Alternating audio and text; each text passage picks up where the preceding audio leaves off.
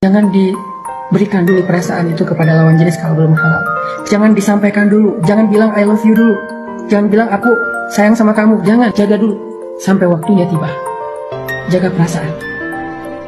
Dengan cara-cara yang elegan. Dengan cara-cara yang terhormat. Gak usah khawatir. Gak akan ke mana kalau udah jodoh. Gak usah khawatir kalau kita terlalu elegan, terlalu menjaga kehormatan dan segala macam. Nanti dia keduluan sama yang lain. Enggak. Karena yang baik itu, ketemu dengan yang baik itulah jodoh. Jodoh itu bukan kita dengan siapa, bukan. Jodoh itu yang baik ketemu dengan yang baik itu jodoh. Yang gak baik ketemu yang gak baik itu jodoh. Soal siapa orangnya, Allah lebih tahu.